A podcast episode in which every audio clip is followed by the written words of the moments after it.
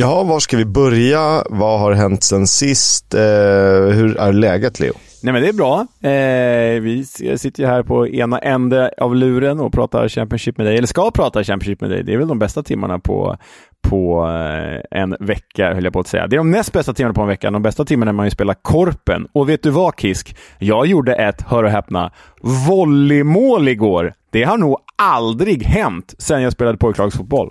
Det, det kan helt omöjligt stämma. Det, det, det... Var det någon som sköt på ditt knä i mål Nej, eller? det var, det var eh, min kära eh, korpen, vår korpenstjärna Robban. Han sköt stenhårt ribba ut, ribba ut igår inne, inne fotboll då. Jag bröstar ner den och sen på, eller bröstar upp den snarare, och så på volley in i kassen. Det har fan aldrig hänt. Och folk som inte vet hur jag är, jag är ju liksom Ja, men jag är ju Roger Johnson fast med sämre teknik och lite mindre alkoholiserad. Lite mindre alkoholiserad. Ja, det, det kan jag skriva under på. Så nej, det var fan, det var mäktigt. I en otrolig korpenvändning, 0-3 till 6-4 seger. Det är bara Stoke som kan göra sånt. Ja, du ser. Så nej, men det är bra med mig. Hur mår du? Eh, bra, jag har inte gjort några volleymål, eh, tror jag. Så vitt jag vet, jag var tvungen att tänka efter, jag har inte spelat fotboll på ett tag.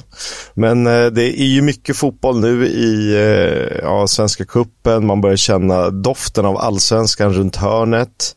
Eh, det är ganska mycket intressant fotboll i, i Europa också. Vi har ju avgörande Serie A och Premier League och fasen hans moster. Och framförallt, viktigare än någonting annat här i livet, vi har ju ett race om playoff-platserna som ser ut att vara det hetaste eh, som vi kan hitta i Championship. Ja, men eh, så, så är det. Om vi bara ska dra den lite snabbt, hur många lag är inblandade i det där racet egentligen? Eh, det beror på om du vill eh, få Sheffield United klara för andra platsen men det är de ju inte. Så att då är det en, det är de ju två, tre, fyra, fem, sex, sju, åtta, nio, tio gäng. Eh, jag krystar till att West Brom är med. Jag måste liksom eh, eh, få in dem där. P9 räknas till mittenträsket. Ja, verkligen. Tio gäng på fem platser alltså.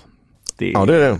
Det är jävligt kul. Det är sjukt kul. Ja, men det kommer bli bra. Och vi har ju sagt att, eh, kanske inte just nästa vecka, men eventuellt veckan därpå, då kan vi verkligen skönja på eh, playoff-horisonten hur, hur det kan komma att bli. Så får vi dra lite spelschema i slutet och så vidare och så vidare. Mm. Ja, ser jag fram emot. Men först kan ni ju börja med att eh, följa podden. Och gör ni inte redan det, vilket jag antar att ni gör, så kan ni ju ge oss eh, de betyg ni tycker att vi förtjänar i diverse podcastplattformar.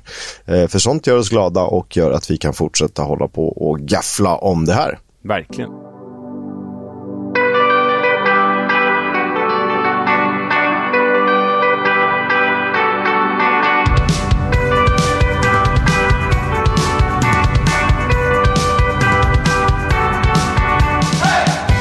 Du lyssnar på Footballs Coming Home, en podcast om riktig engelsk fotboll med fokus på Championship. Vi försöker också prata League 1 och League 2 såklart. Jag heter Oskar Kisk och har med mig Leonard Jägerskiöld Welander. Allt under kontroll. Ja, men det hoppas jag. Ja, men det tror jag. Vi börjar med fredag. För det spelades ju en fotbollsmatch i Championship då den spelades mellan Hull City och West Bromwich Albion. Mm, och det blev ju en speciell match av två anledningar. Och eh, om vi ska gå på den riktigt stora grejen så var det ju så att Hull besegrade eh, West Brom med 2-0. Men framförallt så var det så att Benjamin Tette satte 1-0 målet för Hull och det var ju ytterst speciellt och symboliskt för Tette var nämligen bästa vän med Eh, den ghananska landslagsmannen Christian Atsu som tragiskt nog gick bort i eh, den här jordbävningen i Turkiet för bara en dryg vecka sedan, eller två veckor sedan kanske det är nu. Eh, så det var ju väldigt eh, symboliskt och emotionellt för honom att, eh, att göra det målet och tillägna det sin numera avlidne vän. Så det var ju starka scener uppe i ja, östra Yorkshire. Ja, man såg eh, på bilden efter på honom när han firade att det var inte ett vanligt målfirande eh, utan eh, det var mer än så. Sen har det ju varit speciellt givet att ehm, Halls ägare Akon Ilicali är turk så har det blivit lite speciellt, lite extra speciellt för Hall då som ju är en turkisk kopplad klubb. Hall var ju väldigt effektiva i den här matchen. West Brom var det inte och gästen, gästande Albion eh, dominerade är väl kanske ett kraftigt uttryck, men de var det bättre laget. Ja, men det var de verkligen. De var ju absolut det bättre laget. Borde ju... Det känns som att vi har tjatat om det här i ett och ett halvt år nu, trots att Carlan Grant gjorde mål förra säsongen och trots att de har väldigt dugliga spelare. Den här säsongen så känns det som att vi återkommer till det här hela tiden. West Brom sätter inte sina chanser. Och här... Eh Ja, här hade ju Swift en stolpträff och Dike borde nog åtminstone ha gjort ett för the Baggies, men så blev det inte. Istället ökade ju Hall på till 2-0. Men det var ju en West Brom-spelare som gjorde mål då, Dara O'Shea, självmål. Ja, eh, han kan ju göra mål framåt. Eh, dock, eh, här blev det ju fel, för att det här var lite grus i maskin maskineriet för ett West Brom som de måste börja plocka poäng nu och kan inte förlora fler matcher, särskilt eh, inte på det här sättet, men de hade ju eh, Thomas Asante, de hade Carlan Grant, eh, de hade Matt Phillips borta. Eh, och det är klart att eh, det kanske låter sjukt att säga ja, vi föll för att vi hade inte Matt Phillips med. Men eh, Corberan gillar ju honom och det här är ju spelare som, som kan vara X-faktorer även som inhoppare. Ja, men Matt Phillips har väl, alltså utan att överdriva, varit bästa spelaren i, i West Brom sen, sen eh, eh Corberan kom, tog över. Eh, så det är klart det var ett, ett, ett tapp för dem. Men de borde ju ändå ha vunnit den här matchen sett till chanserna. Men istället, fjärde raka nollan eh, eh, på hemmaplan för The Tigers. Och nu är de ju alltså bara tre poäng efter West Brom. Och eh, det är ju ett jäkla jobb Liam Rosinho har gjort på tränarbänken för Hull. Verkligen, för när han tog över så var de sämst bakåt i ligan. Och inför den här matchen så hade ju faktiskt bara Burnley och West Brom bättre defensiv sedan Rosinhos intåg i klubben. Och jag vet inte om det till och med förändrades i och med att eh, Haldo besegrade West Brom. Men eh, hatten av Liam Rosinho, det var allt annat än taskig timing. Mm. Ja, men vi säger det igen. Nästa säsong blir Hall ett playofflag att räkna med. Det har vi sagt om Stoke i fem års tid nu va? om Stoke, fan. Fuck Så är det. Vi går vidare till lördagen. Det spelades väl två tidiga matcher. Eh, ett derby och sen ett eh, playoff-möte i allra högsta grad. Och det var kanske något oväntat. Ett Blackburn som gick segrande ur striden mot Sheffield United. Ett Blackburn som visar eh, sanslös form, åtminstone i att plocka trepoängare just nu. Ja, nej men alltså när Harry Pickering sätter 1-0 blott fem minuter in i den här matchen, då, då kändes det ju nästan över. För om det är något Blackburn har varit bra på den här säsongen under Jonald Thomasson, då är det att inte tappa ledningar. Och Blades har ju varit väldigt trubbiga på slutet, så den här 1-0, tidiga 1-0 på Ewood Park, ja, det, den, den gav ju liksom den här playoff-striden ytterligare en krydda. Visst, Blackburn kanske inte kommer nå eh, Blades, men de håller på att cementera sig som ett playoff-lag nu och de öppnar dessutom upp för Middlesbroughs jakt på Blades i kampen om andra platsen. Så är äh, jäkla spännande trepoängare här faktiskt. Det var det verkligen. Eh, det blev ju lite naturligt spelmässigt skifte efter ledningsmålet eh, som man kan ana. Dock ingen kvittering i, eh, för Sheffield United. Sen hade ju också Rovers två ramträffar ska tilläggas, både Terry Dolan och Sami Smodic. Så nog gjorde de vad de förtjänade.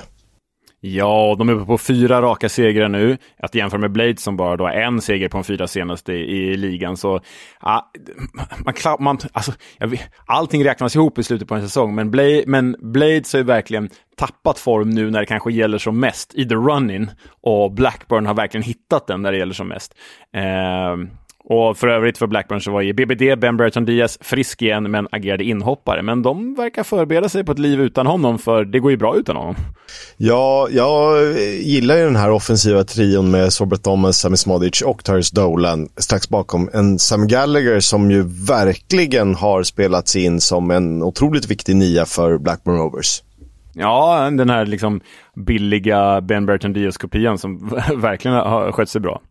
I övrigt så var ju Paul Heckingbottom, alltså Blades tränare, eller Feckingbottom som han ju eh, kallas på sociala medier och av oss. Han var avstängd, men han styrde rejält uppe från läktaren med både kamera och eh, örsnäcka och mikrofon och allting. Så de här avstängningarna, jag vet inte hur mycket de är värda egentligen. Nej, men jag tycker det är så löjligt för att det ser ju verkligen ut som, han, han står ju med två airpods, det kan vi se. Han står med, ser vi en dator, han ser ju han har väl några VIP-platser antar jag, för att han ser väl bäst på hela arenan. Och så ringer han ner till någon av sina assisterande, I guess, eh, och kan styra därifrån. Så vad är skillnaden? Nej, alltså en, man borde nästan dra det så här långt. Alltså en avstängning, då, du får inte vara inne på arenan. Du får, du får vara någon annanstans. Du får inte vara med. Helt och hållet liksom. Det är nästan som när engelska fotbollssupportrar ska åka till, till mästerskap eh, och har blivit dömda. Då får de lämna in passet och här, stanna på polisstationen under matchen och då får inte röra sig x antal mils radie utanför staden. Alltså nästan sån att så här, men, du får banne mig sitta på polisstationen så att vi vet att du inte kan ringa. ja, det är jag för. Helt klart för den utvecklingen. Absolut. För annars blir det lite töntigt. Eh, jag nämnde att det spelades ett derby. Eh, vi, vi älskar våra derbyn och när vi kan trycka in ett derby eh, mellan två lag som inte är från samma stad. Och det är ju så att Cardiff och Bristol City brukar spela Severnside derby och de kan vara lite stökiga. Mm, jag bara säger det, om vi gör någon mer poddresa framöver Kisk, då är jag inte främmande för att dra till Bristol och se Severnside derbyt mot Cardiff. Det är jag verkligen inte främmande för, eller tvärtom. Ja, men den har vi ju, men jag, alltså jag har ju, det är någonting med Blackpool. Eh, just det här att det är det skulle vara så himla fint, det var nedgången turiststad, det här eh, tivolit eller vad man ska kalla det som bara känns, eh, eller piren som känns lite deppig på något sätt. Och dessutom, nu har jag hittat det. Eh, vet du vad, eh, vet du vad VIP-loungen heter på Bloomfield Road? Nej, men det här vill jag ju veta. Vad heter den? Moretti Lounge. Moretti Lounge, då är du nöjd. det är klart då. Ja, ja, det är klart. Jag hade ju tänkt lansera att vi ska köra som poddresa Old Farm annars, Norwich mot Ipswich. Ja. Norwich håller sig kvar och Ipswich äh, går upp. Eh, men eh, ja, det, det, sånt där får vi återkomma till eh, förhoppningsvis. Eh, Cardiff Bristol City var det ja. Du, det här blir ju en 2-0 till, till eh, Cardiff. Den kanske man inte riktigt såg komma väl? Eh, nej, eh, och det är, det, är, det är inget kontrakt som säkrades, men det är ju ack så viktiga poäng för Cardiff såklart. Och det var ju ett derby som krävdes för att bryta Robins nio matcher långa förlustfria svit. Ja, det blev, ju, det blev ju aldrig nerv, för, även om det var stökigt på slutet. För Cardiff hade ju 2-0 när deras keeper Ryan Alsop blev utvisad i den 90 minuten. Han tog ju bollen med händerna utanför straffområdet. Inga byten kvar och försvararen Perry NG, som engelsmännen säger, eh, fick kliva in i kassen med sina uteshorts och grejer. Det var lite, lite lustigt. Men han höll ju nollan, så det blev ju aldrig spännande. Och som du säger, eh, Sabrila Mucci har ju lyckats väcka det här Cardiff och det ser ju ut i nuläget som att de faktiskt kan hålla sig kvar. Alltså de har ju ändå nio poäng på de fyra senaste, varav tre nollor och det är precis exakt så man behöver göra.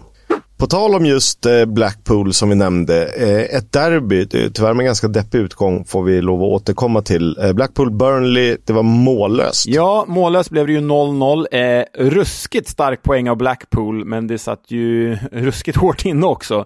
En riktig Mick McCarthy-poäng får vi säga, för Blackpool hade 22% i bollinnehav mot Burnleys 78. De hade noll skott på mål mot Burnleys 5, men det slutade alltså 0-0 och Blackpool var ju tydliga med sina intentioner, för de startade ju med, hör och häpna, lämna sex försvarare i startelvan. Så Mick McCarthy vet ju hur man gnuggar till sig en poäng, men han vet ju inte riktigt hur man vinner matcher. Det är väl det som är problemet. Nej, och eh, det är väl typ eh, frågan om ens om de skulle kryssa resten av sina matcher, som är ju 11 till antalet, frågan är om det ens räcker, för då skulle de landa Nej, på tveksamt. 43 poäng. Tveksamt. Så att eh, de behöver vinna. Sen är det ju inte matchen mot Burnley de behöver vinna, men det är ju imponerande, för det här är ju blott Blackpool är blott andra laget att hålla nollan mot Burn, Burnley den här säsongen. Ja, och senast, nu kommer jag inte ihåg vilket lag det var, men senast var ju i augusti. det var ett tag sedan Burnley inte lyckades göra mål, så det är oerhört starkt av Blackpool. Ett Blackpool som annars bara har vunnit en av de 18 senaste matcherna. Det är nästan QPR-nivå. Chris Maxwell eh, någorlunda man of the match. Otroligt viktig för Blackpool som poängräddare mellan stolparna. Burnley har kryssat tre av de fem senaste i ligan. Eh, 12 segrar och tre oavgjorda på 15 matcher är ju ändå wow. Men det är lite som, eh, nu är det ett tag kvar och vi är bara inne i mars, men det är väl lite som Fulham mättades under förra säsongen när det liksom, de hade väl säkrat serien i typ november-december. Ja, nej men precis. Eh, och då, då eh, mattas de av. Inte som Reading 2006 ser när de slår rekordet där. De bara fortsatte köra. Eh, lite tufft för Burnley var att de har ju redan ganska skadedrabbad trupp med Jay Rodriguez och några andra borta. Josh Brownhill krev ju av skadad. Vi får ju återkomma till det, hur länge han blir borta. Neil Warnock hade en intressant eftermiddag hemma på John Smiths Stadium när Coventry kom på besök. Ja, jag vet inte om, ska, om han kallar om han tycker att den är intressant, för det blev ju 0-4 i baken och nog för att Coventry är i form och nog för att Gyökeres kanske är seriens bästa anfallare. Men det är sällan man ser Coventry göra mer än två mål, så ja, det här var inte så, det här var inte vad Neil Warnock hade tänkt sig tror jag. Eh, det var det ju definitivt inte. Sen fastnade jag vid kommentators uttal. Viktor jo Jokeresh. Jokeresh. Jokeresh. Alltså det är som ett äh, italienskt ja. Och sen är det, det fan in ett CK och sen är det något esh på slutet. Men det, det kanske är så givet att jag tänker att Gyökeres är typ halvungerskt eller någonting. Ja, jag, jag tänker mig också att det är ungerskt. Så det kanske är, är något sånt. Vi får fråga honom när vi väl får tag i honom. Eh, men eh, han var ju effektiv den gode Gyökeres, mer om det i Svenskollen. Han gör alltså två mål eh, eh, på Coventrys fyra. Men Huddersfield var ju inte ofarligt. De hade ju chanser, men ah, vad ska de göra när de möter Firma Gyökeres och Gustavo Hammer? Hammer gjorde ett av de här fyra. Gjorde han, och det sista gjordes av Tyler Walker, framspelad av eh, den svenska anfallaren. Tyler Walkers första mål sedan oktober 2021. Mm. Och då ska man veta med Huddersfield-ögon här att det är ett tufft spelschema. De ligger ju fast förankrade i botten. Att eh, majoriteten av deras matcher, eh, kvarvarande matcher, är ju mot lag på övre halvan. Jag, jag trodde faktiskt eh, att du skulle säga så här, majoriteten av deras matcher mot lag över dem, man bara, ja, de är jumbo, det är lite det som är, alla lag är bättre än vad de är hittills. ja, så är det. Ja. Eh, ett tufft läge för Huddersfield tyvärr, som ju, det är ganska sjukt. De, spelade, de kom ju, slutade ju trea förra säsongen. Och visst mm. att Nottingham Forest hade en run-in som var sanslös i med Steve Cooper och, och den farten de fick in under våren. Men de slutade ändå trea och de gjorde det bra under hela säsongen. Och eh, det var, de var ju ett mål ifrån Premier League.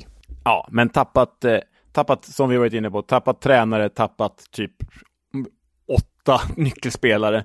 Eh, men vi får väl gå igenom det här mer när det väl blir aktuellt. Men om Huddersfield åker ur så får vi nu gå igenom, jämföra med lite så här fotbollsparalleller, andra så snabba ras i fotbollsvärlden. Man tänker väl typ Åtvidaberg vann väl på 70-talet och åkte ur året efter. Det finns väl något sånt där. Sampdoria kom fyra för, några, för tio år sedan och åkte ur året efter. Ja, även det finns några sådana som vi vill få återkomma till. Eh, nu tänkte jag på en, en som jag glömde bort. Wigan eh, vann väl FA-cupen samma år som de åkte ur va? Mm, så är det. Och så åkte de, och så åkte de ur Championship året efter tror jag. Det är, det är ett ras om något. Verkligen. Luton Swansea och det är styva bröstvårtor och vassa armbågar som är vägen fram för The Hatters. Alltså, har du sett ett mer styvt bröstvårdsfirande än det Carlton Morris gör? det är så jävla roligt. Ja, det är riktigt grisigt alltså. Han gör ju ett, han sätter ju matchens enda mål, 1-0 för Luton mot Swansea och istället för att fira ordentligt så liksom så här bufflar han rätt in i Latibodière, va? Ja, det är det. Springer in och liksom hånar Swansea-försvararen genom att bara dundra rätt in i honom. Riktigt grisigt alltså. Sån jävla styv bröstvårta där. Man kommer ihåg eh, när man spelade någon ungdomskupp och så var det någon som gjorde något mål. Och det här, först, inte nog med att han springer in i honom och försökte liksom skövla ner honom. Eh, när Latte Baudier vill liksom konfrontera, då backar bara Carlton Morris iväg och gör några sköna miner och, och typ hyschar. Ja, Ja, men eh, riktigt grisigt men också riktigt roligt. Men målet i sig, det får vi ju faktiskt, eh, även om det är Carlton Morris som gör det, så får vi tillskriva det som en målvaktstavla för eh, ah, Andy Fisher, jag, jag, eh, jag, först, alltså så här, jag förstår hur han hamnade i Swansea, för jag menar Russell Martin hade honom som målvakt i MK Dons, men det här är på väg att bli min nya Joe Lumley, för det här är inte en jättebra målvakt. Nej, och Joe Lumley måste ju du ha liksom, bett om ursäkt till nu. Han har ju visat att han ändå håller. Ja, äh, men, äh, men absolut. Och nu ska man ju äh, ha med sig att Steven Benda är ju skadad i Swansea. Inte för att det är en supermålvakt det heller, men Andy Fisher är på väg att bli något slags, jag ska inte säga hatobjekt, men lätt att hacka på spelare hackkyckling helt enkelt. Det här var fjärde raka utan seger för Swansea eh, som ju hade bollinnehavet såklart, eh, föga förvånande och det hjälpte också föga. De har vunnit en av de åtta senaste och sen fick ju Russell Martin eh, rött kort. Mm. Nej, det är alltid på väg ut för. De kommer, de kommer klara sig, de kommer inte bli inblandade i någon bottenstrid, men eh, det är bara att starta om. Swansea och Russell Martin borde bara starta om. Antagligen bryta med varandra, gå åt olika håll och så får en, en eh, annan lite mer progressiv klubb satsa på Russell Martin och så får Swansea söka efter ny identitet. Tror jag. Det tror jag också. Eh, det, det, här funkar ju inte, även om det hade kunnat funka. Luton eh, dock, eh, de ska ha den där playoffplatsen i år igen. Det kan de väl få, fy fan vad roligt. Mm. Ja, jävla imponerande alltså.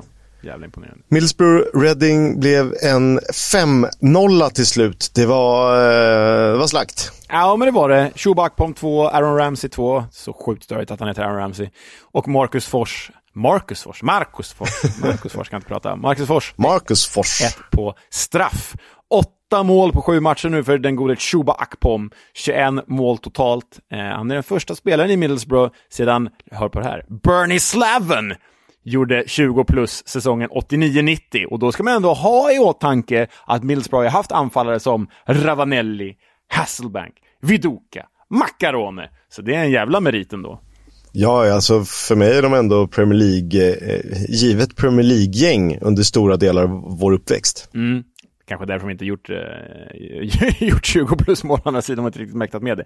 Nej, men oerhört imponerande av Shuba Akpom som ju hade väl gjort fem mål som bäst under en engelsk ligasäsong inför den här. Och eh, nyckeln är väl liksom att Carrick har dragit ner honom i hålet. Han spelar ju typ som en tia istället för en anfallare. Japp. Och det är också därför man med gott samvete kan säga att Viktor Gyökeres är seriens bästa striker. För Akpom spelar ju strax bakom. Ja, exakt så. Eh, två målgivande passningar för Ryan Giles, vilket betyder att han landar på nio stycken och därmed leder assistligan efter helgen. Ja, hyfsat bra för en inlånad vänsterback. Middlesbrough fick två straffar. Eh, Paul Ince tjatade ju om det efter matchen, tyckte båda var, var väldigt tveksamma. Och så tjatade de om att Shane Long i Reading inte fick någon. Eh, det är, det är, ja, de går ju att diskutera, men när man förlorar med 5-0 vet fan om det är det man ska fokusera på kanske. Nej, det är väl klart att det, det kan påverka, att det kan få, eh, bli någon slags ketchup-effekt. Men 6-0 i skott på mål, Reading hade liksom inte vunnit den här matchen på något sätt, givet formen Middlesbrough är och givet uh, Reddings form överlag. Så att, nej. Eh, Marcus Fors tog sista straffen. Vad säger du Kisk? Borde, Ak borde Akpom eller Ramsey fått lägga den istället för att eh, säkra ett hattrick? Ja, men det var, jag såg att det var lite borrow-diskussioner om varför ingen av dem fick slå den. Eh, jag vet inte. Han kanske är, bara är första straffskytt. I, han kanske är så pass säker. Jag har inte tänkt på det. Ja, nej, nej men det, det och de, ja, jag vet, man vet inte vad de har för intern hierarki och diskussioner sådär, men intressant om inte annat. Ingen Joe Lumley i den här Reading-kassen, så han kan inte beskylla för den här förlusten, för han är ju utlånad från Middlesbrough till Reading och då får man inte spela när de möts. Nej, men på tal om just Reddings defensiv så är det klar förbättring från förra säsongen. Då hade de eh, delat sämst defensiv i ligan. Eh, nu, eh, för, förra säsongen var de sämst eh, defensivt i ligan. Nu är de bara delade sämst. det, är faktiskt otroligt att de ändå ligger där de ligger. De har släppt in så mycket mål som de gör. Eh, det är sjukt att eh, Ins inte lyckas förbättra det. Men ah, ja, de eh, ser ut att klara sig kvar om de inte åker på eh, ett gäng, ett minuspoäng i år igen, som vi får återkomma till under nyhetssegmentet. Från Millsborough till Millwall som mött mötte Norwich hemma på The Den och eh, det började bra för Millwall. Ja, Tom Bradshaw gör mål igen, hans femte på sex matcher. Och han är ju, vi sa ju det för någon vecka sedan, han gör bara mål i STIM. Eh, men det här stimmet var inte så bra, för han gjorde ett i egen kasse också i den andra halvleken. Men eh, Millwall-duon Tom Bradshaw och Zian Fleming eh, delar ju fjärdeplatsen i skytteligan på 13 mål. Eh, och Sian Fleming gjorde faktiskt mål i den här matchen också med mindre än 10 minuter kvar. Men då var det kört. Då var det kört, för då hade Sörensen och Bradshaw i egen kasse då samt eh, Gabriel Sara vänt på det här från 0-1 till 3-1 för Norwich och det blev till slut eh, ointagligt. Ett gäng eh, snygga mål i den här matchen. Eh, kul att se. När, ja, Gabriel Saras mål är ju fan otroligt. Det är, mm. ju, det är inte Mar Marcelinho Nunez bra från förra veckan, men det är bra. Det är en jävla bra bössa. Värt ett omnämnande, men inte en delning på Twitter, så kan vi väl säga.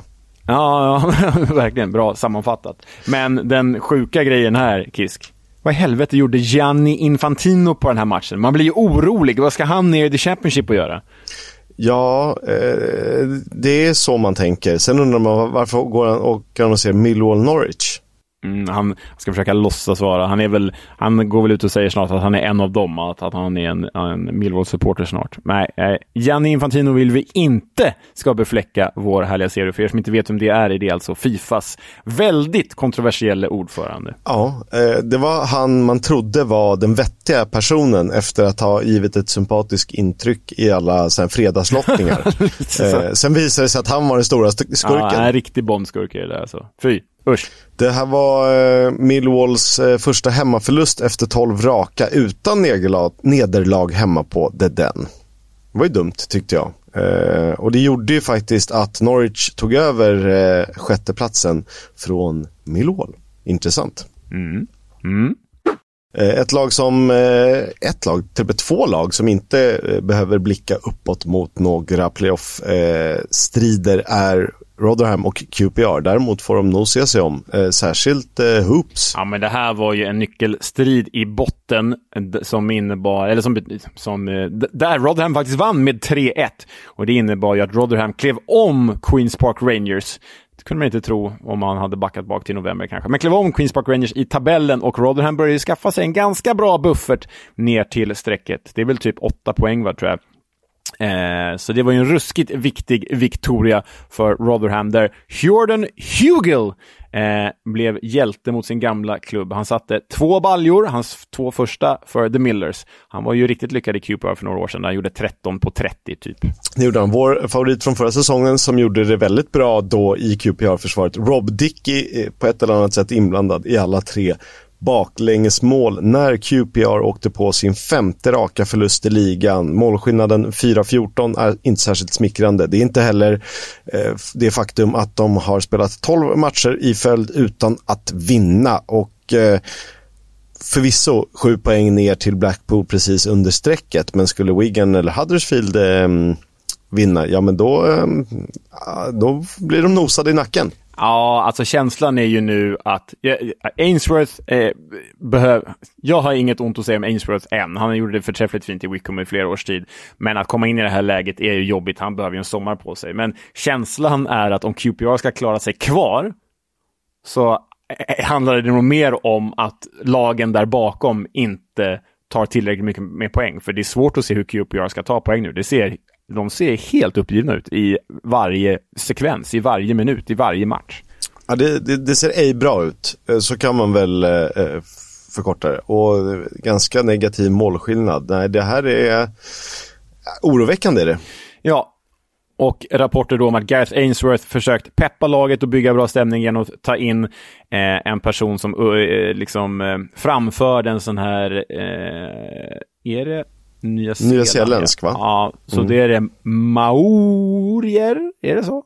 Eh, ja, för aboriginer är från Australien va? Australien, ja. Sen sån här maorisk stridshacka inför truppen, men det verkar ju inte ha lyckats alls. Då. Nej, nu, nu har de försökt med Will Ferrell, eh, en hacka, vad är, vad är nästa steg? Ja, nej, det, Ska Richard Branson landa sin eh, rymdraket som ska ta privata, eh, privata människor upp i, i rymden?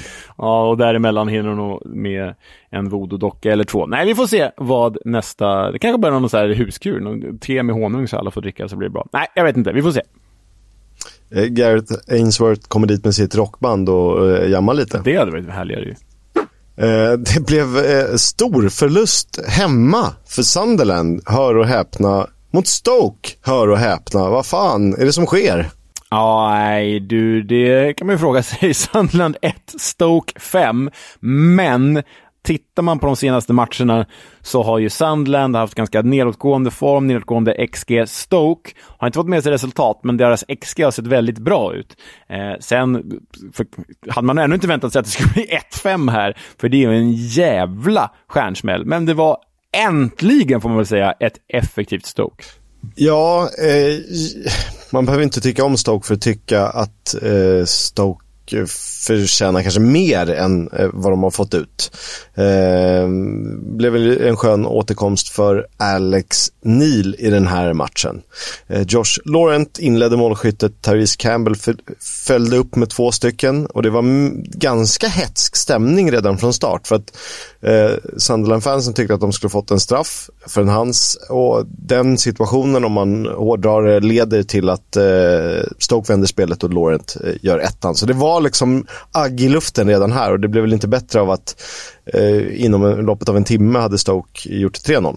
Nej, och så bara, eh, visst så reducerade ju Sandland, men så, så avgjordes matchen definitivt av Dwight Gales två mål. Hans mål nummer två och tre för säsongen, den tidigare eh, Championship-skyttekungen, men det fick ju hemmafansen att se rött. För Dwight Gale har ju spelat i Newcastle, så då regnade det in föremål på den forna derby-antagonisten Gale.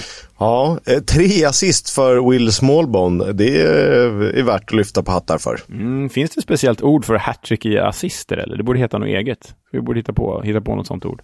Det borde vi göra. Jag vet inte, det finns ju säkert i hockey där det är ganska vanligt.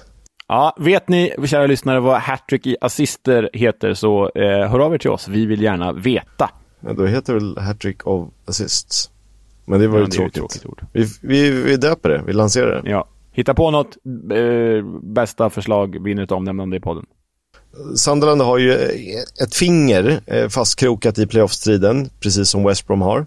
Eh, men, hör och häpna, fyra matcher kvar i mars att spela. Det är Norwich, det är Sheffield United, det är Luton och det är Burnley. Visst, två av dem på hemmaplan, eh, Blades och Hatters, men det är kanske inte det man ser framför sig. Nej, det, det, det är en jävla tuff. Här i... Ja, alltså vinner de, de tar, tar de sig igenom de här matcherna levande, då förtjänar de en playoffplats. Men man blir inte förvånad om de är ute ur leken efter den här, efter den här kvartetten. Nej, lite tufft skadeläge har det ju varit också. Eh, Watford eh, har ju halkat utanför playoff-platserna just nu och de eh, kryssar alldeles för mycket. Det gjorde de även i helgen när de mötte Preston North End. Ja, det blev ju 0-0 igen och eh, visst hade väl Watford tillräckligt med lägen. Eh, tillräckligt, men inte så många lägen. De hade några lägen i alla fall och de kanske samlade ihop till en straff. Eh, men Preston kan ju det här med att spela mållösa matcher. Det här var den nionde mållösa matchen, alltså nionde 0-0 matchen för säsongen för Preston North End. Det är jag vet inte om det är bra eller dåligt. Är det någon slags rekord eller? Ja, kan verkligen vara det skulle jag säga. Eh, Hornets eh, fjärde kryss på de sex senaste och det innebär ju att man eh, halkar utanför. Eh, kort och gott. Eh, och som vi har tjatat om, absolut att det finns kvalitet men man förlitar sig ju på den här offensiven eh, i den här typen av matcher. Typ Joao Pedro. Här ska ju han vara skillnaden mellan 0-0 och eh, 3 poäng och således en playoffplats för Watford. Så enkelt är det. Så enkelt är det. Wigan Birmingham, riktigt deppmöte just nu känns det som. Eh, det blåser ju inte några positiva vindar i någon av klubbarna egentligen. Eh, det slutade 1-1, det är väl också lite deppigt på något sätt. Men eh, det var en situation som var helt fantastisk i den här matchen. Ja, det var ju faktiskt Birminghams ledningsmål, för det är ju... Han heter ju Juninho, den gode Bakuna, eh, och här gör han själv skäl för sitt namn, för det är en ruggigt läcker frispark till 1-0 målet. Den är väldigt vacker. Sen är det ju en, en, en till rolig situation där stolpen räddar Wigan tre gånger på tre minuter. Ja, samma stolpe också. man blir, ah, ja, ja. Man blir knäpp när man såg den här highlighten. Man bara, va? Va? Va? Så stolpen blir väl liksom Wiggins matchens lirare. Sen såg jag i något no forum att så här, det här var, i någon artik artikel vad jag läste, det, så eh, det här var en poäng som ingen kan vara nöjd med. Men jag tycker ändå Birmingham, visst sett till chanserna borde Birmingham ha vunnit den här, men jag tycker ändå Birmingham kan vara nöjda med den här poängen för de lyckades ju faktiskt hålla ett lag bakom sig. Alltså, det var vikt, viktigare, för Bur det var viktigare för Wigan att vinna den här matchen. Och det viktigaste för Birmingham var väl egentligen bara att inte låta Wigan vinna den här matchen. För så länge de har dem bakom sig så... De kom från fyra raka förluster eh, och de har ju råd att kryssa. Eh, det har inte Wigan. Eh, sen är det ju också lite klassiska kryssa borta, vinna hemma. Eh, och för ett lag i botten är det värt mycket om man lyckas göra det. Så att, eh, det tycker jag är helt okej för Birmingham. Ja. Wigan, på tal om att kryssa, Wigan under nya tränaren Sean Maloney. Maloney. En vinst, en förlust, fyra oavgjorda. Mm, Det är ju en förbättring, men det är ju inte tillräckligt bra. Nej, eh, han känns ju rätt i det här läget. Givet, eh, alltså, jämfört med Mick McCarthy och Neil Warnock. Eh, jag ber om ursäkt, men ändå så känns det ju mer rätt. Ja, absolut. Det håller jag med om. Det spelades tre hängmatcher under eh, tisdagskvällen och eh, det var ju ganska roligt för nu är ju tabellen komplett om än bara för ett tag, det vet man ju aldrig. Alla lag har spelat 35, 35 matcher heja eh, eh, tabellsystemet som funkar. Ja, ja, men äntligen en fulländad tabell. Det här har ju väntat på länge, Kisk. Så länge har jag väntat på det här. Min OCD har inte riktigt klarat av de hängmatcher som har varit alldeles för länge. Och sen Coventry som låg liksom tre, fyra matcher back där. Eh, det var ju tragiskt att se. Det här är lite hockey för mig. Att de, man, man, kan aldrig räkna med någonting, för det är alltid ett lag som har tre, fyra matcher till godo. Men nu är det eh, 35 vardera och eh, det blev en 32 poäng för ett bottenlag i form av Huddersfield som ändå krigade sig till en poäng hemma mot Bristol City. 0-0 slutade den matchen. Ja, och det är väl det är så konstigt. Det, det, är ju, jag vet inte, egentligen hade väl Huddersfield behövt mer poäng än så, men det blir så konstigt med Bristol City. Man börjar vänja sig vid att de typ spelar 0-0 från det här, du vet, 3-4 målmaskineriet som, som vi älskat så länge. Men det är ett nytt Bristol City och det är ett nytt Huddersfield. Framförallt så var ju tjeckiska landslagsmålvakten Thomas Vaclik ruskigt bra i mål för The Terriers när han höll nollan.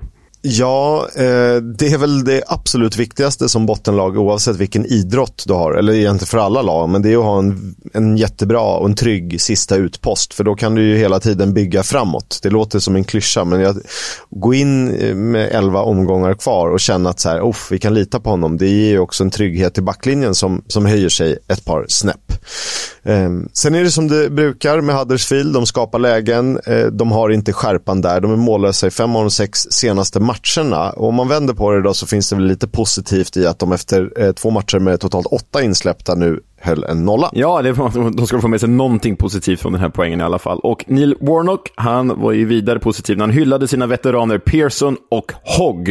Eh, de sätter han stor tilltro till och tyckte att de var, gjorde varsin riktigt bra match. Eh, sen är det ju så, efter det här kan man ju konstatera, och det, det kan ju fortfarande förändras, eh, för det, lag kan åka upp och ner, men Preston North End och Bristol City är ju mittenlagen den här säsongen.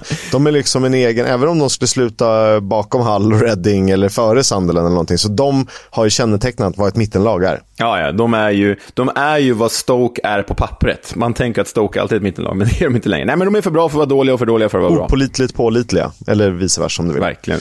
Eh, det spelades en match i kungariket, om man så vill, Royal Berkshire. Det var, den spelades mellan Reading och Sheffield United och det blev gästande Blades som fick eh, segra till slut. Ja, det var väl ingen självklarhet på förhand, givet att Reading varit bra på hemmaplan i alla fall och att Sheffield United onekligen har darrat de här, den här senaste perioden. Men eh, det var ett lite så här, typiskt mål också för ett så här, storlag som inte är så bra form, men vinner ändå. För det var en slumpboll som ledde fram till målet. Olly McBurney fiskade upp, vår kompis från Sheffield, fiskade upp en boll på kortlinjen och skickade in den till Ilman Ndiaye som gjorde matchens enda mål med drygt 30 minuter kvar. Eh, så blev det alltså. Ndiaye som sen fick kliva ut skadad. Det ska dock inte vara eh, för allvarligt, sa Heckingbottom efter matchen. Eh, Heckingbottom var väl tillbaka på sidlinjen efter att ha stått i en box och diskuterat. Men eh, det har vi pratat om tidigare i avsnittet, vad vi tycker. Joe Lumley, bra igen. Hej Leo. ja, nej, jag får, som sagt, jag börjar hitta ett nytt hatobjekt i Andy Fisher, så Joe Lumley får vara hur bra han vill. Nej, men jag, jag erkänner mig motbevisad i alla fall den här säsongen. Lumley har varit bra. Sen måste vi prata om Reddings anfallspar och det, det är inte så mycket anfallspar längre. Nu spelar i och för sig Sheffield United rätt ofta med en två där uppe med NDI eh, eh, lite friare roll kanske, men McBurney eller Sharp bredvid sig. Men Reddings anfallspar är alltså Shane Long och Andy Carroll och det är överlägset i Championship. Nej, det är så jäkla coolt, det är så jäkla fint, men det är också Premier League 2013 ringde och ville ha kvar sina anfall, vill ha tillbaka sina anfallare från undre halvan av tabellen. Men, men eh, ja visst, det är ju svinmysigt. Man, men så här, rent kvalitativt så eh, kanske inte väger upp till hur mycket man går igång på det nostalgiskt, även om jag faktiskt tycker att Carroll fortfarande har ganska mycket fotboll i sig. Eh, Carroll har ju faktiskt verkligen imponerat eh, i sin roll i Reading. Han gjorde det väldigt bra här också. Han är ju ett monster i luftrummet. Sen har han ju skadeproblem och det går inte att lita på honom i 46 matcher eh, på en säsong. Shane Long lider väl lite av att han kanske inte riktigt har samma fart i benen som han hade en gång i tiden. Men han är fortfarande, får ses som relativt snabb. Men han har inte gjort tillräckligt med mål. Men eh, om man tänker att de hade kunnat få vara så här 2000, eh, ja där 12 till 15 bra. Ah, i Reading. Ja, då, det, då, det kittlar ju jättemycket. Men då hade väl Marcus Hahnemann i mål också, så det hade varit ännu coolare. Uh, ja, äh, men det om det. För Blades var det här första segern på fyra bortamatcher. Uh, viktigt, för nu har de alltså sju poäng ner till Middlesbrough och alldeles för mycket upp, tio poäng upp till Burnley. Uh, vi får se om det blir match av det här eller inte mellan Blades och Middlesbrough om andra platsen.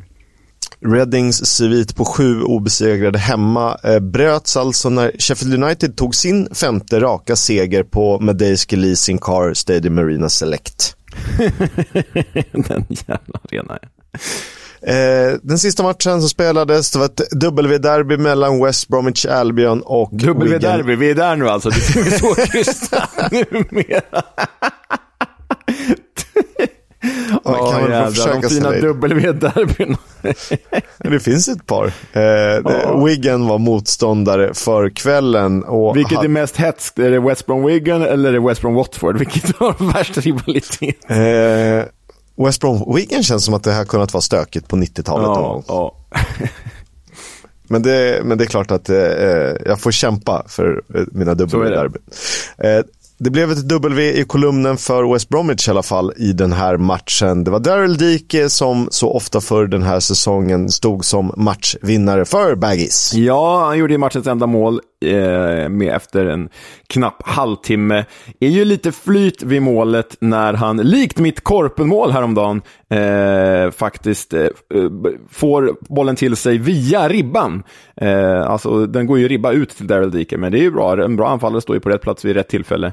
Eh, och det menar jag om Daryl Dike och inte om mig själv då. Det är lite så lurigt med Daryl Dike, för han är en jäkla häftig poweranfallare, sån jävla mäktig target liksom. Men bränner lite för mycket chanser ändå, väl.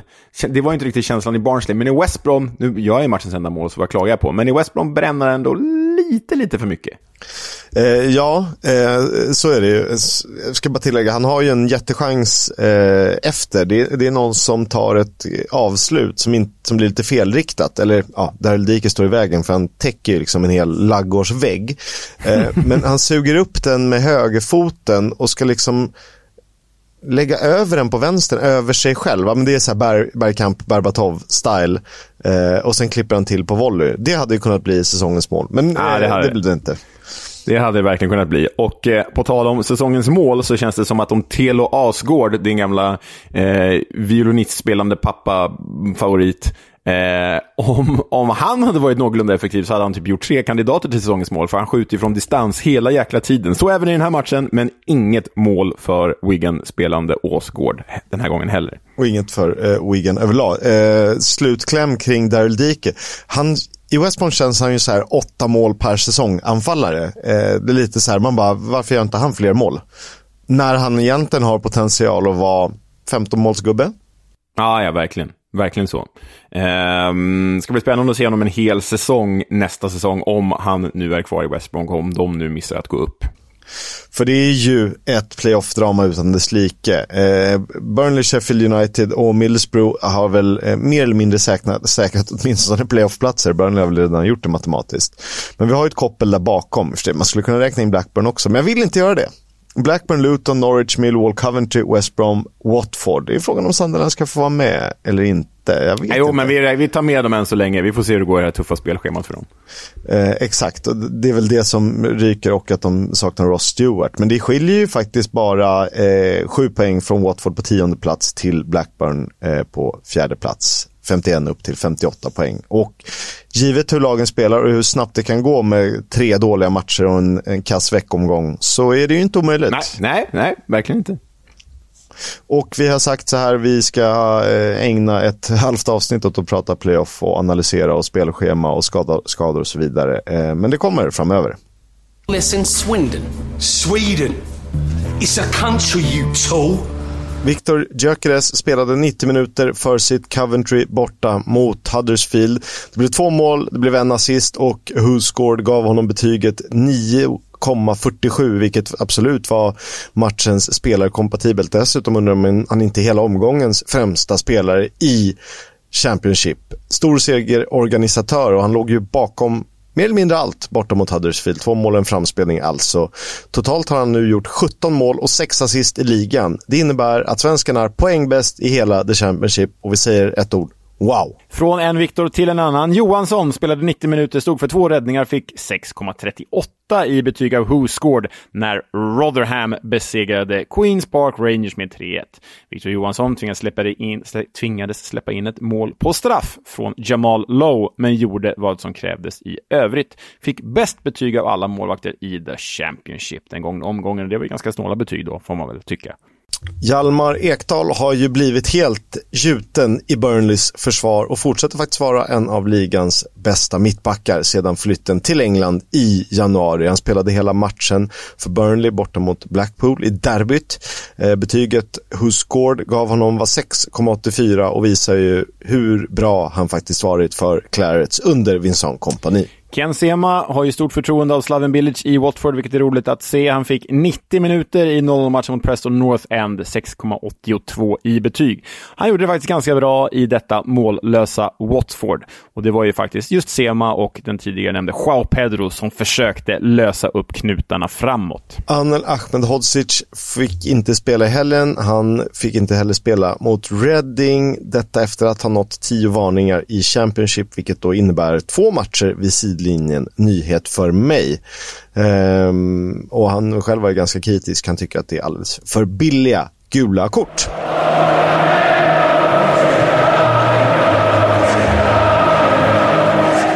Fotbolls Coming Home sponsras av Stryktipset, ett spel från Svenska Spel, Sport och Casino för dig över 18 år, stödlinjen.se.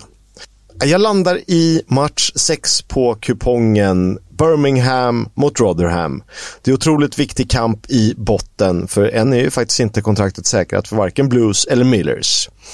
Medan Victor Johanssons Rotherham har sju poäng på de tre senaste och klättrar i tabellen har Birmingham fem raka, eh, fem raka matcher utan seger och bara en poäng, det vill säga 1-1 senast mot Wigan.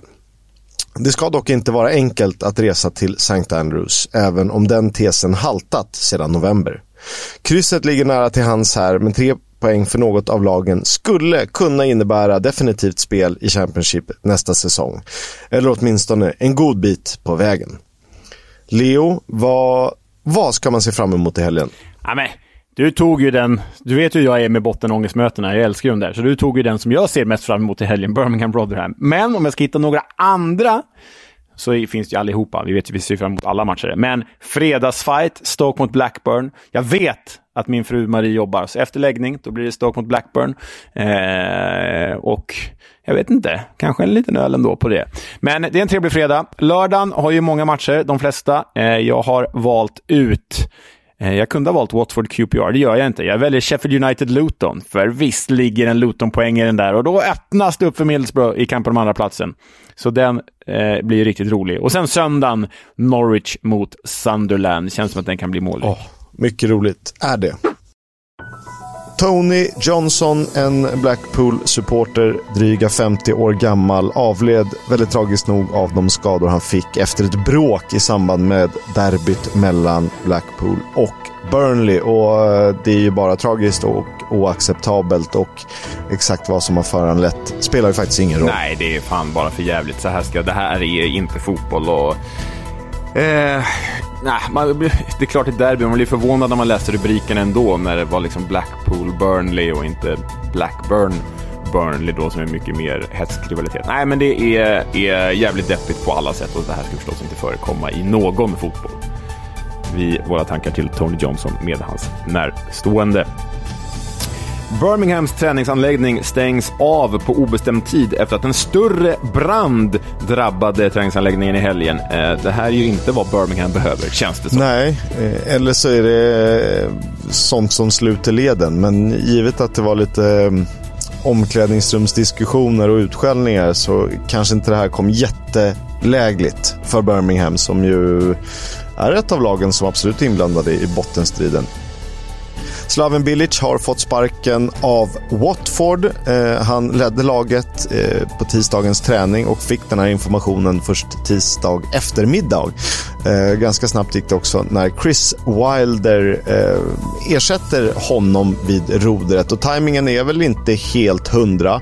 Däremot tror jag att det kan vara ett bra val eh, till nästa säsong oavsett om de går upp eller inte. Eh, men eh, man har ju haft bättre timing. Helt klart. Ja, men alltså, jag, jag, tänker, jag tänker så här att eh, det, det, var ju lite speciella, de är ju speciella eh, ägarfamiljen ägarfamiljen och där, för de är ju väldigt trigger-happy, skickar tränare hit och dit och sådär. De har ju inte riktigt tänkt igenom, det har liksom aldrig funnits en li, röd linje eller stringens mellan tränarvalen här. Och, å ena sidan har varit en väldigt progressiv och, och, och framåtspelande Rob Edwards och så ersätts han av en mer pragmatisk eh, Slaven Bilic med ett större namn. Och nu kommer Chris Wilder in som är väl mer och, och, och mer likt det senare förstås. Men jag tänker att det finns en kortsiktighet här. Har varit inne på det förut. Bounce-effekten. Om du ska göra ett byte någon gång under säsong, då är det väl ändå bland de sista matcherna när man typ jagar ett playoff eller när man försöker rädda ett nytt kontrakt. Att så här, nu hoppas vi på en effekt de här sex kommande matcherna och det kanske kan, kan rädda en playoff-plats för Watford. Och sen långsiktigt, ja, de har väl utvärderat att de inte är nöjda med den fotboll som Slammy Bilic står för och de resultat som har skett. Och jag är med dig, långsiktigt är ju, trots misslyckandet i Borough, Chris Wilder ett väldigt bra namn för Watford och även om de inte skulle gå upp till Premier League. Du sålde in det här tränarbytet, men undrar om du är anställd av Odinese eller Granada eller någon av de andra franchiserna i, i familjen där. Men det, det kanske är som du säger, för de, de pratar ju om det att så här, januarifönstret är stängt. Det enda sättet att eh, få in lite energi i truppen är att byta tränare. Och eh, det kanske bara är så enkelt att eh, injektionen de söker Mm, vi får hoppas på det för Watfords skull. Burnley, det här är en rolig nyhet, Kisk. Burnley kommer att kräva en Guard of Honor av ärkerivalen Blackburn om Burnley har hunnit säkra seriesegern före de möts i nästa derby.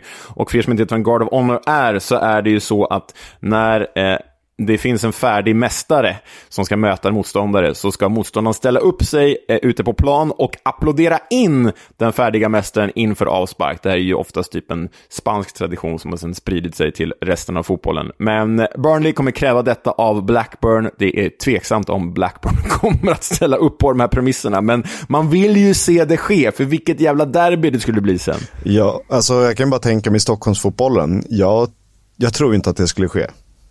Alltså det skulle ta hus i helvete. Det skulle ta hus i helvete, verkligen. Eh, vi får se vad som händer där. Eh, Reading hotas av sex poängs avdrag eh, efter att de kringgått ekonomiska överenskommelsen med English Football League, vilket skulle vara andra säsongen i rad. De är duktiga på det där i, i, i kungariket, Royal Berkshire.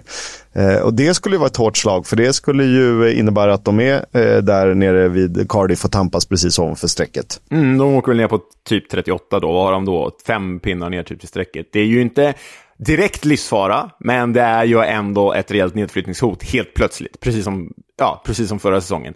Och jag kan ju känna så här, eh, när det är så här återkommande regelöverträdelser, jag vet inte om du säger Kisk, men när, när man gör så här medvetet flera säsonger i rad, borde man kanske typ inte hotas av ännu större straff då, egentligen, för det är så här, alltså ja, man gör ju om samma fel om man är medveten om att man gör det. Ja, eh, alltså om det var tre poäng förra säsongen borde det vara sex eller nio poäng nu eh, snarare. Och sen att det eh, ökar och då till slut är det så här, men gör det här en tredje gång så är det en tvångsdegradering, för vi kan inte låta det ske. Nej, precis. Alltså de, de, de fuskar ju faktiskt på andras bekostnad här.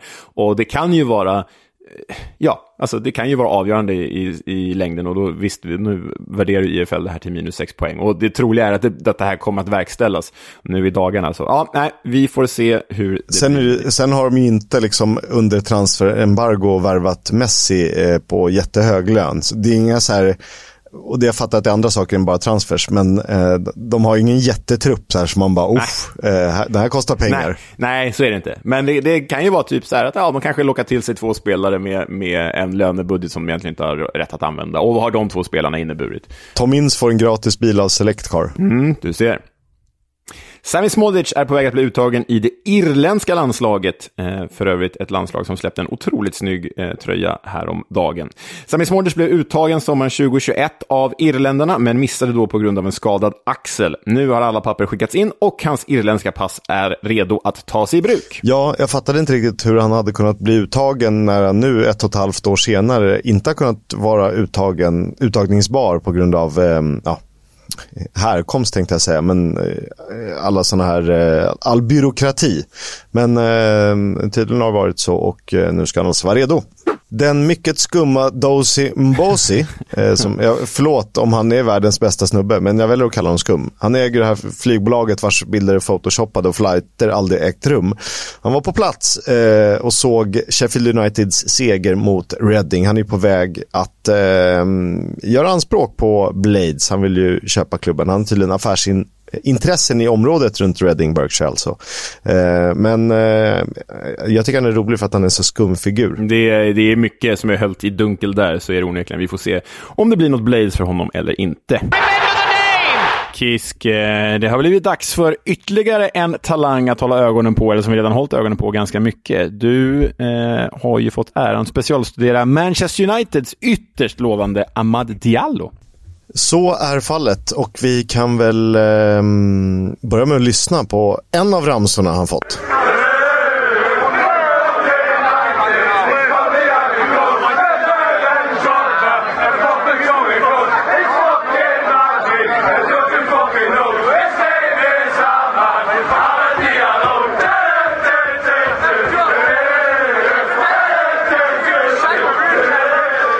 Det är många som sticker ut eh, i form av offensiva krafter i Championship. En av dem är ju faktiskt eh, Ahmad Diallo. Vi backar bandet. Det började i Abidjan i Elfenbenskusten år 2002. Ganska tidigt blev Italien nytt hemland för Ahmad Diallo Traoré och brodern Hamed. Och en annan Hamed, Mamadou Traoré, eh, som eh, en, en avlägsen släkting som utgav sig för att vara fader till de två grabbarna, var 2020 huvudman i en utredning som undersökte bland annat fotbollsspelare som trafficking-offer. Diallo, som då tagit bort Traoré ur namnet, ansågs sedermera vara skyldig till att ha förfalskat uppgifter som knutit honom till Hamed. Och eh, för honom blev det böter på knappa 50 000 euro. Men eh, hur hamnade han i Italien då? Men vänta, den här Hamed Traoré, brorsan, ja. det är alltså han som spelar i Bournemouth nu? Jag, jag googlade till mig, det, det, det, är det, för jag kände igen sig, Hamed Traoré, han, han spelat i Sassuolo, och så googlade jag nu, och det, det är det, han spelar i Bournemouth nu, sedan januari. Jaha. Du ser, då har han mm. nästan kommit längre. Och det är inte samma Hamed Mamadou Traoré som var då någon avlägsen släkting som låtsades vara eh, pappa. Eh, mycket märklig härva det där och eh, eh, ja, han fick ju faktiskt betala 50 eh, 000 euro då för att ha förfalskat uppgifter. Mm -hmm. Men om vi backar lite då, fokuserar på fotbollskarriären för Amad Diallo. Den inleddes i Bocca Barco, en lokal klubb hemmahörande mellan Parma och Modena i Emilia-Romagna. Det dröjde inte särskilt lång tid innan han plockades upp av Atalanta. Detta efter att flertalet klubbar visat intresse i samband med en eh, scouting-sväng. Karriären fortsatte på den inslagna vägen även i Atalantas ungdomslag och Ahmad Diallo gick från klarhet till klarhet. Han stack verkligen ut.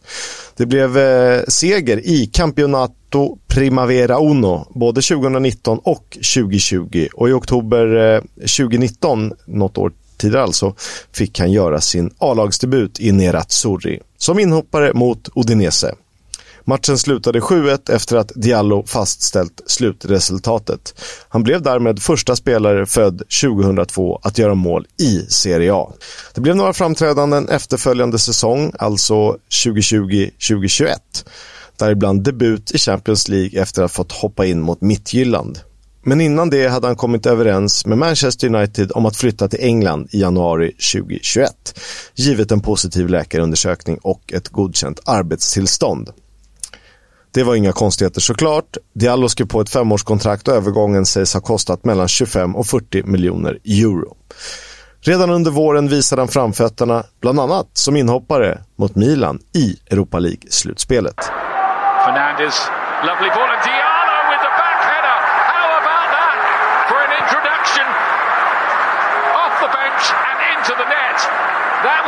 sensational from the teenager. Senare samma år Premier League-debuterade Amad Diallo mot Leicester i en match där han spelade fram Mason Greenwood till lagets tröstmål. Det var första gången på 15 år som en tonåring spelade fram en annan tonåring i Premier League. Ja, jävlar. Det är det sant? Ja. ja. ja, det är sant. Det lät väldigt eh, konstigt, men eh, jag tänker att det är alltså, 18-19-åringar som har varit bra. Men så är fallet. Efter sparsamt med speltid i Manchester United under hösten lånades Diallo ut till Rangers FC från och med slutet av januari 2022. Två dagar efter att ha skrivit på fick han debutera från start mot Ross County och efter fem minuter hade han gjort 1-0. Det blev ytterligare två ligamål och åtminstone en bänkplats när Rangers spelade Europa League-final mot Frankfurt och föll. Året innan hade Diallo dessutom debuterat för det ivorianska landslaget sedan han tagits ut till Afcon-kval. Han representerade Elfenbenskusten vid OS 2020, alltså det OS som gick av stapeln 2021. Och i augusti förra året, närmare bestämt den 31, stod det klart att Sunderland skulle bli hans hem resten av säsongen. Och på vilket sätt han tagit sig an uppgiften. Eh, började som inhoppare, men framåt oktober var han redo och i första 90-minutaren kom första målet, även om det blev förlust mot Burnley. Totalt åtta fullträffar och två målgivande passningar hittills är riktigt bra. Och han har ju varit en av stjärnorna i ett Sunderland vars offensiv stundtals glänst. Trots Ross Stewart, Everton-lånet e- Ellie Sims, ex-Spurs-spelaren Jack Clark och den rutinerade Patrick Roberts har Diallo tagit för sig från sin vänsterkant. Och det är där han trivs bäst även om han kan funka i ett anfall eller på ett offensivt mittfält. Avsluten sitter, dribblingarna lika så. Däremot så är det väl så att hans inlägg behöver förbättras om han ska slå i på Old Trafford. Men jag säger som Tony Mowbray. Amad Diallo How on earth we got him on loan is amazing because he is like a magician. ja, är, han har ju rätt, den gode Tony Mowbray. Amadiallo har ju varit en av de här, en av den här säsongens största sensationer och eh, både du och jag skulle bli förvånade om han inte ger bered speltid i United typ redan till hösten. Och, och, alltså som en inhoppare, tänker jag då. Ja, hur mycket man än älskar Championship så är det ju lite slöseri eh, om han skulle spela kvar i serien eh, nästa säsong. Så kan man ju säga, om man ska vara ärlig. Ja, nej men han, och om han inte bereds speltid som en inhoppare i United, då bör han väl kanske åtminstone landa ett lånekontrakt i en Premier League-klubb på under halvan.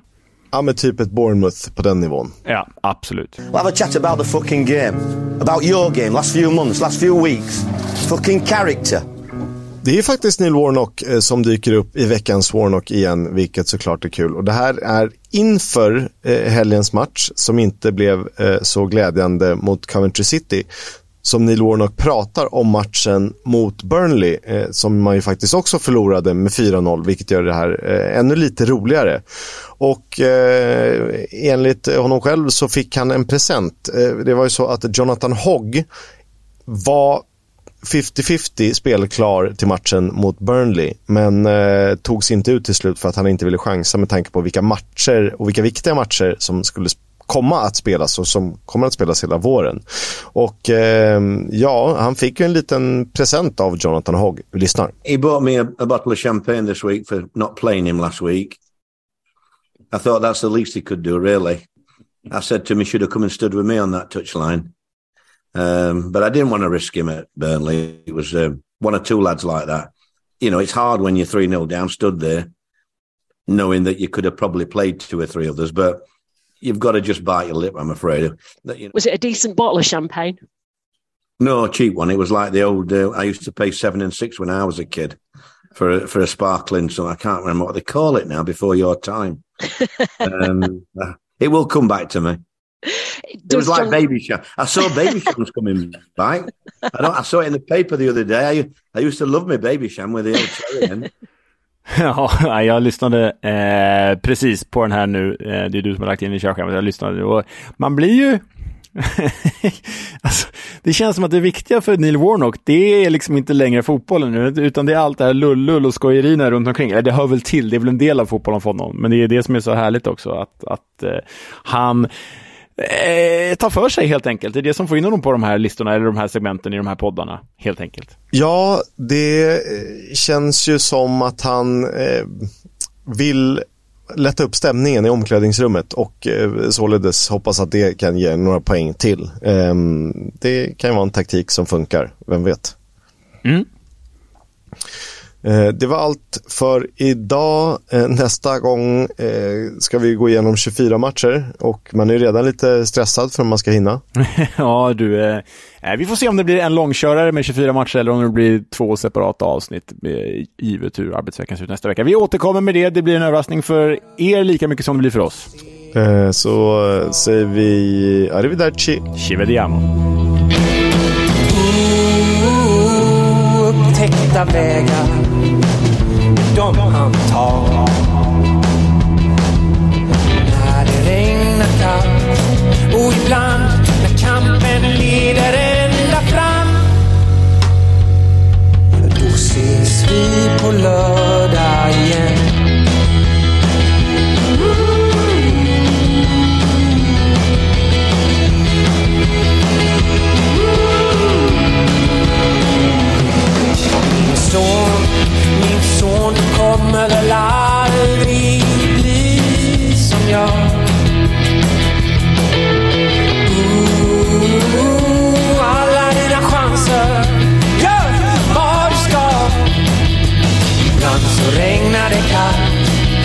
Slut leder kampen